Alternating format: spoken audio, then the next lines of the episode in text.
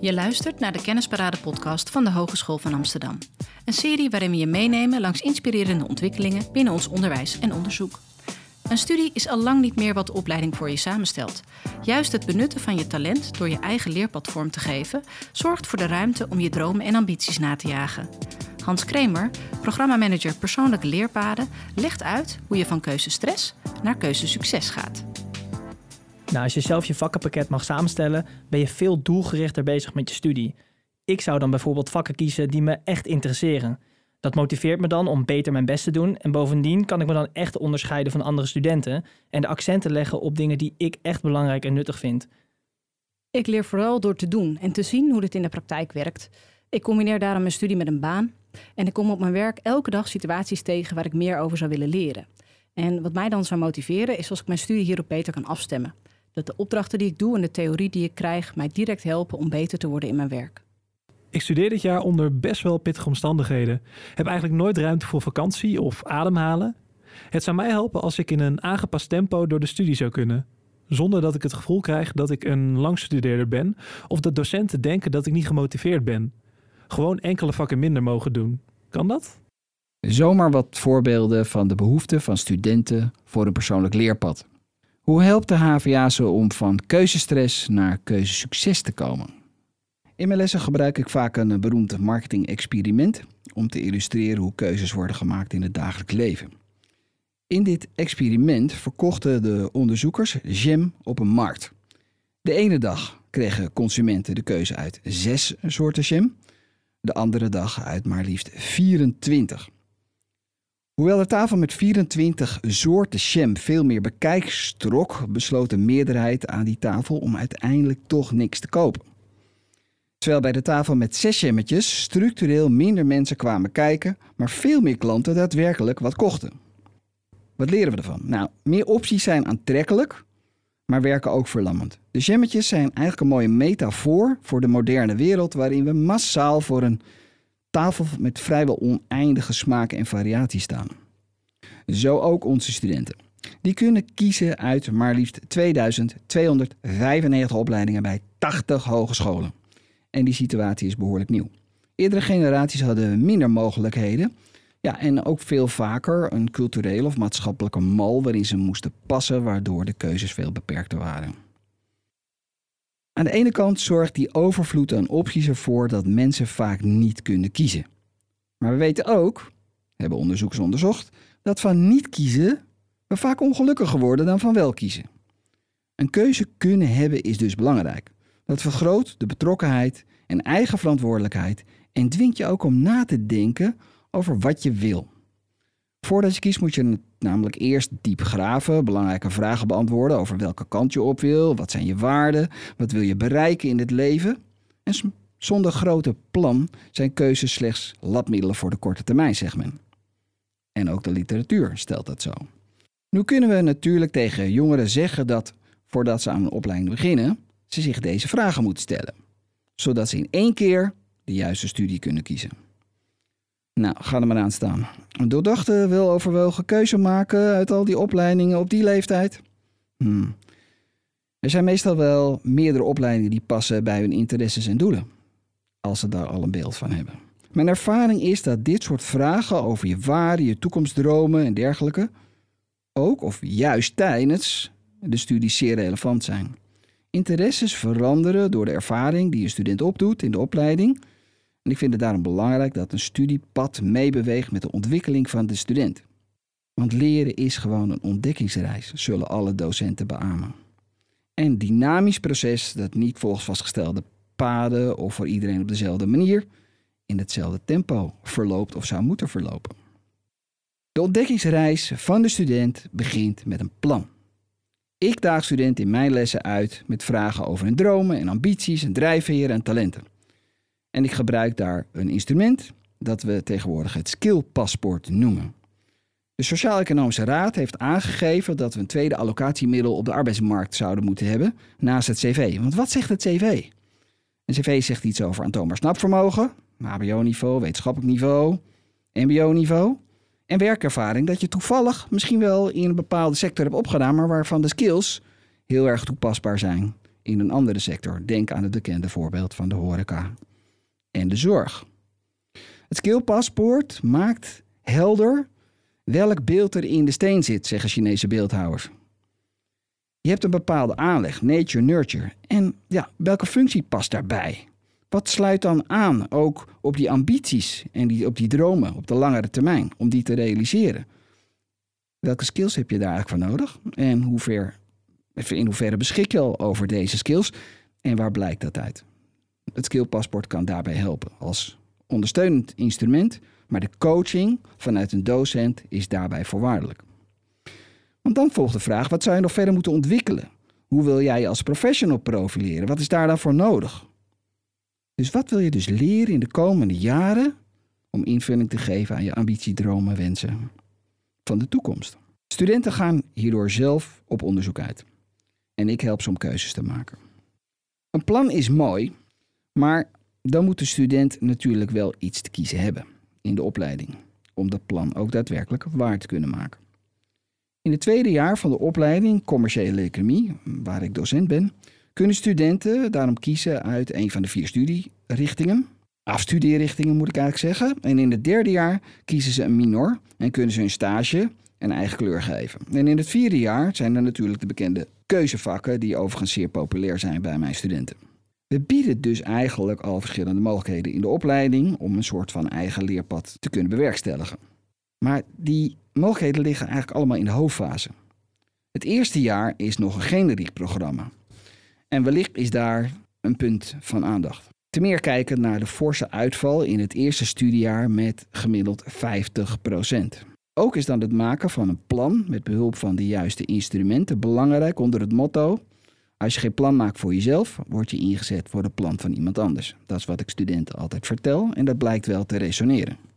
Ze moeten er wel altijd even over nadenken.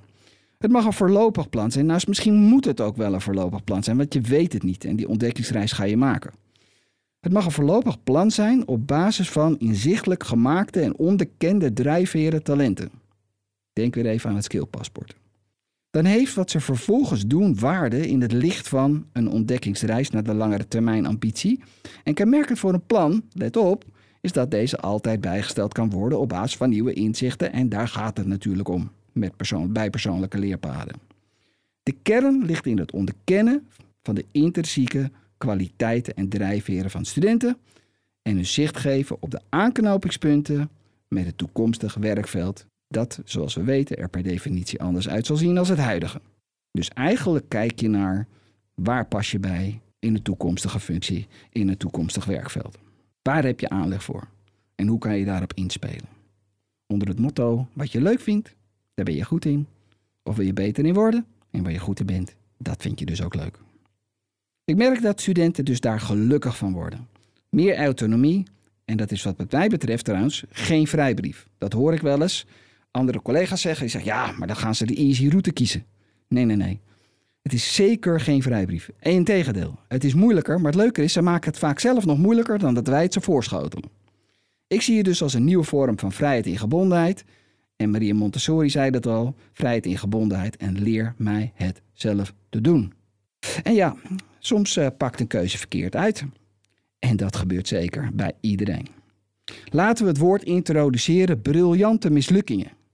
Briljante mislukkingen heb je namelijk wat van geleerd. En een atleet, een topatleet, wordt niet gekenmerkt door de hoeveelheid medailles die hij haalt. Het wordt gekenmerkt door de hoeveelheid keren dat hij is gevallen en weer is opgestaan. Een briljante mislukking hoort erbij. Maar dat betekent niet dat de student terug bij af moet zijn. Wat nu wel vaak het geval is. Weer helemaal opnieuw beginnen. Nee, je moet juist doorbeginnen. Je moet doorpakken, verder gaan. Het betekent misschien wel dat de student dan een andere afslag neemt in de opleiding op basis van opgedane inzichten. Het komt bijvoorbeeld voor dat een student op basis van de inzichten in de skills aanpak verandert van studierichting. En soms zou je ze willen adviseren om een afslag buiten de opleiding te nemen. Bijvoorbeeld richting de toegepaste psychologie, omdat daar werkelijk hun hart lijkt te liggen in plaats van commerciële economie. Of misschien wel een combinatie van beide. Of naar ICT, of de leraaropleiding economie, omdat ze daar toch talenten voor hebben. Althans, dat hebben we samen uitgevogeld. En buitendien zijn daar ook goede arbeidsmarktperspectieven.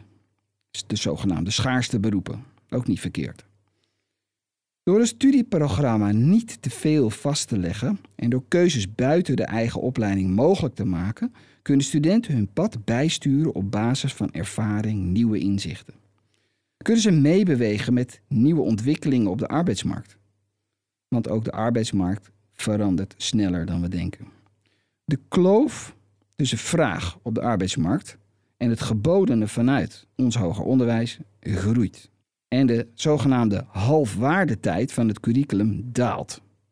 Kunnen we in de opleiding nog op bijbenen wat de arbeidsmarkt vraagt als we een studieprogramma te veel vastleggen? Helaas is ons onderwijssysteem daar nog onvoldoende op ingericht. Op nieuwe combinaties kunnen maken van disciplines of het zonder veel studievertraging kunnen switchen. Lucie de Lintelo, onderwijsadviseur bij de afdeling Onderwijs en Onderzoek en verbonden aan de ontwikkelagenda persoonlijke leerpaden, vertelt nu welke veranderingen daar plaatsvinden. Er zijn steeds meer opleidingen in de HVA die studenten de ruimte geven om een eigen pad te volgen. Uh, waar regie voor de student eigenlijk het uitgangspunt is voor het ontwerp. En dat betekent dat ze keuzes hebben in de inhoud, in de vorm of de tempo van de studie. Soms doen opleidingen dat door helemaal opnieuw te ontwerpen, een hele nieuwe opleiding neer te zetten.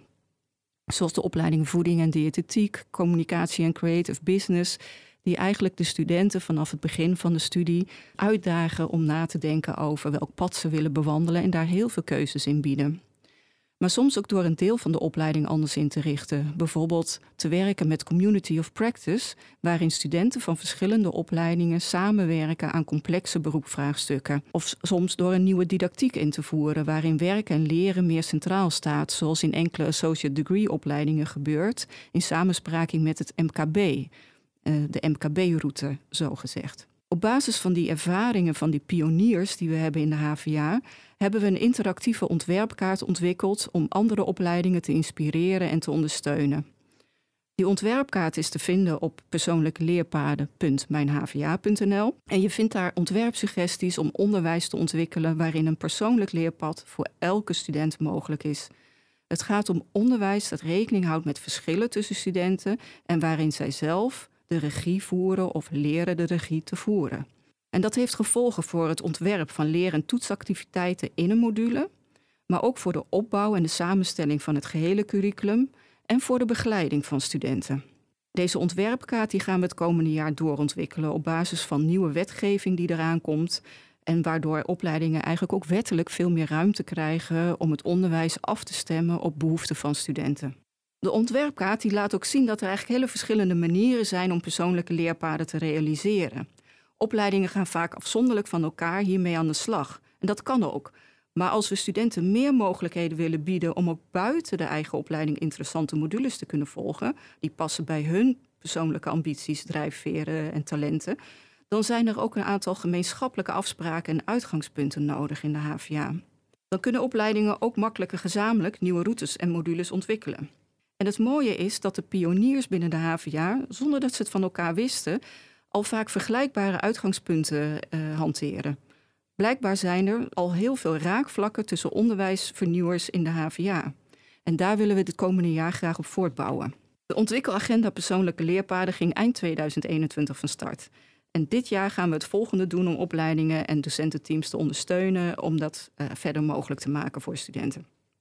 Het eerste is de doorontwikkeling van die ontwerpkaart, zoals ik dat net noemde, aan de hand van allerlei vragen en kwesties die vanuit de opleidingen spelen, die hier nu nieuw mee aan de slag gaan.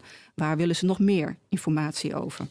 Het tweede is dat we HVA-brede uitgangspunten en afspraken gaan uh, maken met elkaar om uitwisseling van studenten tussen opleidingen mogelijk te maken.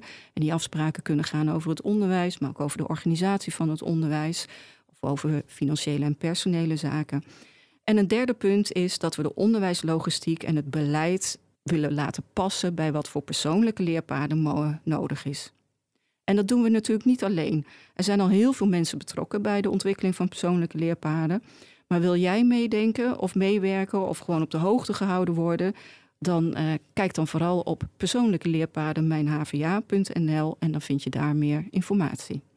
Ja, de ontwerpkaart heeft eh, mij geholpen om eh, echt na te denken over hoe we nog meer kunnen doen voor deze student. Zoals we dat eh, een beetje hebben uitgelegd en toegelicht. En mijn doel is dat alle studenten over vijf jaar ervaren dat een persoonlijk leerpad ook daadwerkelijk echt mogelijk is.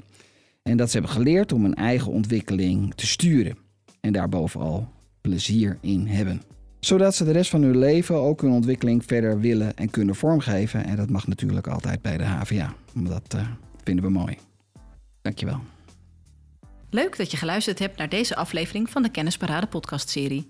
Wil je meer weten? Check ook de andere afleveringen van deze serie.